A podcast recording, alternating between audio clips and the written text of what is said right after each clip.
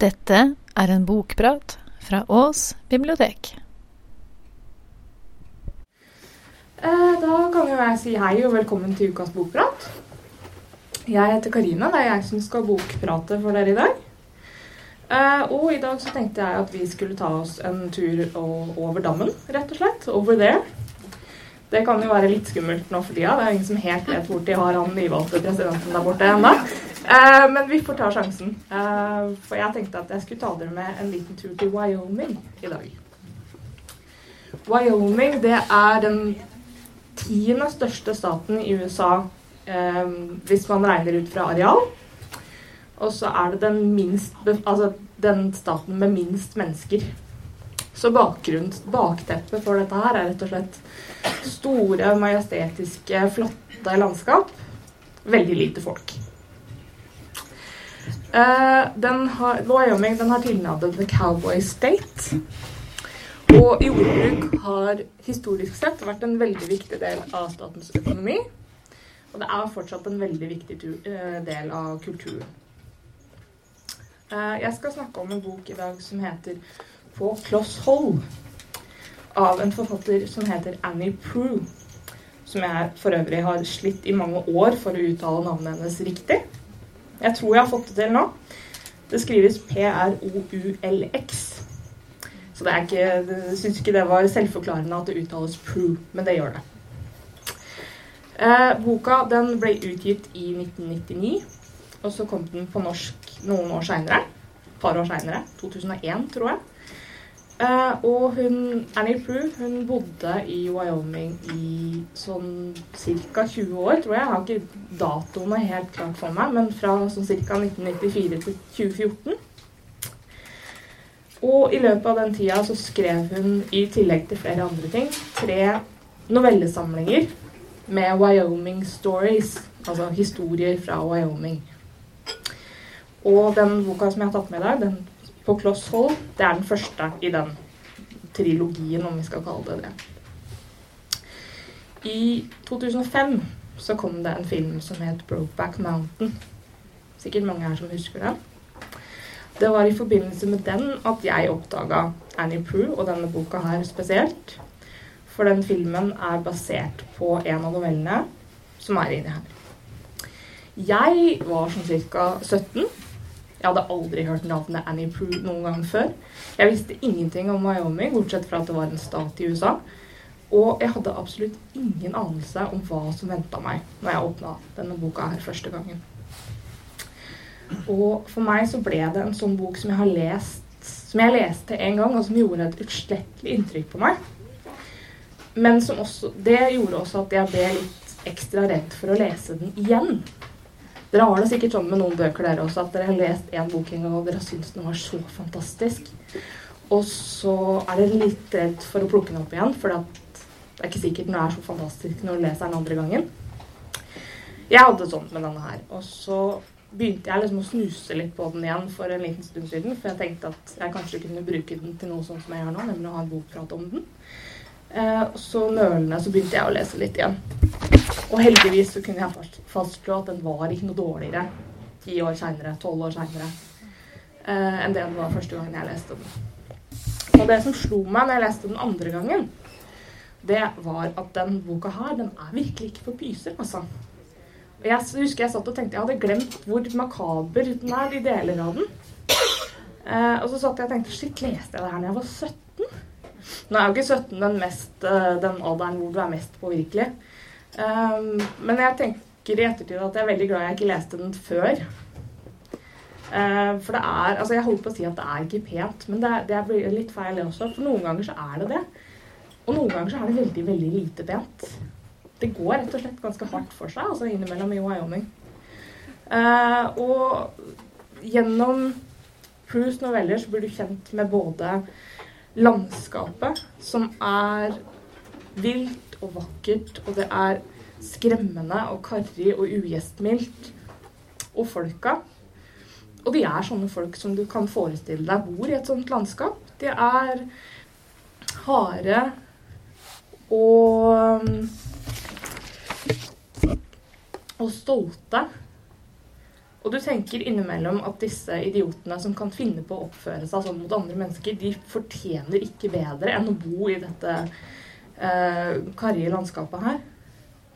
Og, og, holde på sånn som de gjør. Men eh, når de lever livene sine på papiret, så ender du opp med å føle en slags godhet for dem allikevel. De fleste av dem, i hvert fall. Um, jeg hadde ordentlig, ordentlig vanskelig for å bestemme meg for hva jeg skulle lese for dere i dag. Fordi at alt, alle, alle novellene i denne boka her har trekk ved seg som jeg gjerne skulle vist dere. Um, men jeg rekker ikke å lese alle. Jeg rekker ikke å lese utdrag fra alle. Uh, så jeg landa til slutt på et utdrag fra en novelle som heter I gjørma.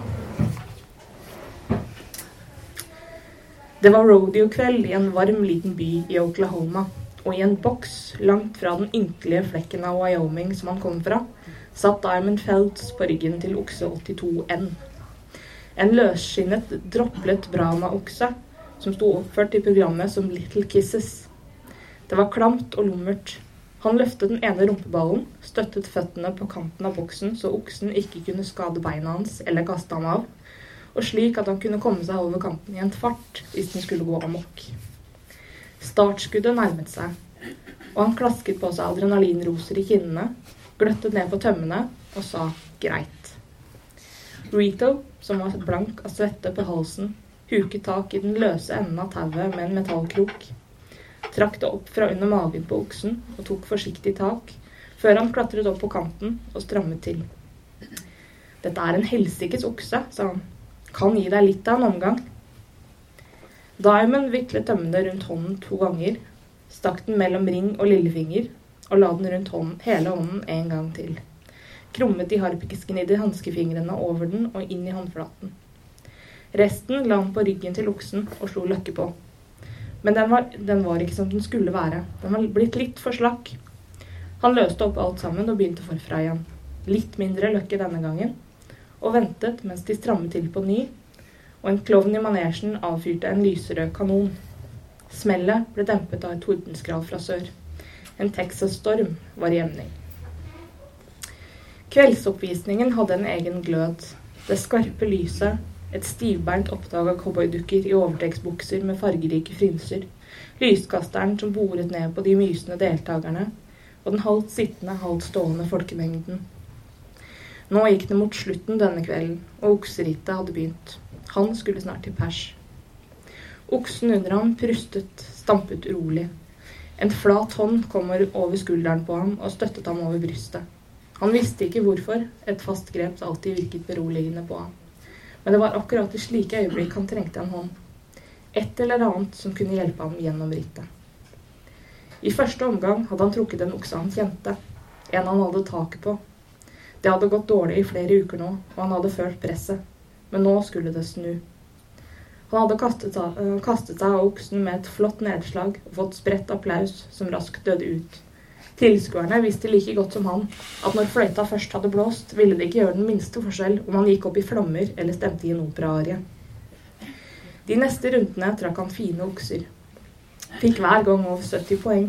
Limte blikket på skulderen til sprelske dyr som gjorde hva de kunne for å kaste ham av. Til siste omgang trakk han Kisses, et olmt beist på størrelse med en kullvogn. Han hadde ikke annet valg enn å gjøre sitt beste og holdt på litt flaks. Hadde han det, var det en god slump i vente. Den metalliske stemmen til spikeren gjallet i høyttalerne på den ombygde arenaen. Folkens, det var ikke grunnloven eller borgerrettighetene som skapte dette fantastiske landet. Det var Gud som skapte fjellene og slettene og solnedgangen, og som plasserte oss her så vi kunne få se det, Amen, og Gud velsigne det amerikanske flagget. Her i kveld har vi en okserytter fra Redsled i Wyoming, den 23 år gamle Diamond Felts, som kanskje lurer på om han noen gang vil få se den vakre naturen vår igjen. Folkens, Diamond Felts veier 65 kilo. Little Kisses veier 1005 kilo. Han er en gigant av en okse, og vant prisen til Dodge City okserytterlag i fjor.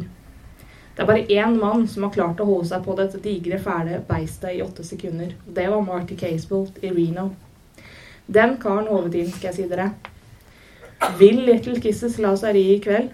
Det finner vi ut om et par minutter, folkens. Så snart cowboyen vår er klar. Hør på regnet, folkens. Vi kan jammen være glade for at vi er under tak, ellers ville det blitt litt av et gjørmebad. Diamond kastet et blikk på assistenten ved siden av seg, tok tak i tauet, nikket og gjorde et fort kast med hodet. Kom igjen, kom igjen. Døra til boksen gikk opp, oksen huket seg sammen og stormet ut i den ventende stillheten og et voldsomt serie med krumspring. Spark og rikkende sprang, hopp og, sl og sleng, før den hev av i et urabelig kast. Full pakke. Diamond Feltz hadde et stjernebilde av føflekker på, venstre, på det venstre kinnet og mørkt, kortklipt hår. Han var mer enn pen når han var ren og nystriglet i ny skjorte og halstørkle med blå stjerner. Men det var sjelden han hadde sett slik ut i sitt liv. Han var 1,60 på strømpelesten. Han banket og trommet med fingrene og bet negler, utstørt, utstrålte rastløshet. Som 18-åring hadde han fremdeles vært jomfru. Det var ikke mange i klassen hans, ikke av noe kjønn, som kunne si det samme. Ethvert et forsøk på å endre denne situasjonen skar seg, og fortvilt så han for seg at det bestandig ville være slik i skogen av høye jenter. Det fantes jo kortvokste jenter, men i fantasien var det dem på 1,80 han besteg. Hele livet var han blitt kalt Dramglasset, Beten, Småen, Pjokken, Knøttet, Reka, Fingerbøle. Moren hans ga seg aldri, hadde bestandig et nytt stikk. Selv den gangen hun hadde kommet opp på gangen i annen etasje og sett ham splitter naken på vei til badet, hadde hun sagt noe ble i hvert fall langt nok på deg. Det var, en, det var, en, dag den siste våren han gikk på skolen, at han sto og trommet med fingrene på pickupen til Wallace Winter og hørte på en av historiene til den, til den langhalsede bileieren. Wallace gjorde et forsøk på å være morsom da kjøtthuet Liesel, nåde den som kalte ham Lucille, kom bort og sa noen som kan tenke seg en jobb denne helga? Fattern skal brennmerke i kveget, men det er staut med folk. Det er ingen som vil. Han blunket med små øyne. Det butte ansiktet var overstrødd med plommerøde kviser, og innimellom det hissige utslettet vokste noen få lyse fjol. Diamond kunne ikke begripe hvordan han kunne barbere seg uten å blø seg for derved. Gutten stinket av kveg. Da har han jammen valgt feil helg, sa Wallace. Det er mye på gang. Basketkamp, fest, knulling, drikking, dop, råkjøring, purk, magesjau, slåsskamper, hysteriske foreldre. Sa du ikke noe om det? Han spurte ikke meg. Ba meg bare om å skaffe noen karer. Det er jo fint vær. Har vært uvær hver, hver helg den siste måneden. Liso spyttet. Wallace lot som han tenkte nøye gjennom saken. Hvis vi dropper helga, regner jeg med at vi får betalt. Han blunket til Diamond, som sendte en grimase i retur. Det var ikke særlig lurt å kødde med Liso. Ja, seks dollar timen. Jeg og brødrene mine må jobbe gratis på ranchen. Vi slutter til kvelds, sånn omtrent. Så dere kan fremdeles gjøre det dere hadde tenkt. Gå på fest eller noe. Han selv hadde ikke planer om noe rotbløyte. Jeg har aldri jobba på ranch, sa Diamond. Mutter'n vokste opp på en sånn gård og syntes det var dritkjipt. Vi har vært med dit bare en eneste gang, og da dro vi før det hadde gått en time. Han husket opptråkket gjørme, Bestefaren som snudde seg bort, en muskuløs, svett onkel John i overtrekksbukser og møkkete hatt, som klapset ham på baken og sa noe til moren hans som gjorde henne rasende. Gjør ingenting, det er bare én jobb. Få kalvene inn i båsen, brennmerke dem, stelle dem, vaksinere dem, få dem ut. Stelle dem, sa Diamond. Liesel gjorde en megetsigende bevegelse mot skrittet. Det kunne kanskje vært interessant på en sprø måte, sa Wallace. Jeg har noe som kan gjøre det sprøtt og interessant. Det er best dere ikke er for fine, for dere må ned i gjørma, sa Liesel alvorlig. Ikke tale om, sa Wallace. Det gjør jeg faen ikke. Ok, jeg er med, hvorfor ikke? Diamond nikket. Liesel viste fram hele perleraden. Veit dere hvor vi bor? Det er en bråte med avkjørsler. Jeg skal vise dere, sa han og tegnet et innviklet kart på baksida av et prøveark. Der sto det én med rød skrift. Prøvearket løste et mysterium. Liesel het Bude til etternavn. Wallace kastet et blikk på Diamond. Bude-slekta, som var spredt fra Pahaska til Pine Bluffs, gjorde, gjorde seg sterkt bemerka på lista over stedsbråkmakere. Klokka sju, sa Liesel. Diamond snudde arket og så på prøven. Der svarene skulle ha vært, var det tegnet inn kve kvegmerker, sirlig med spissblyant. Det ga arket en slags trangsynt aut aut autoritet.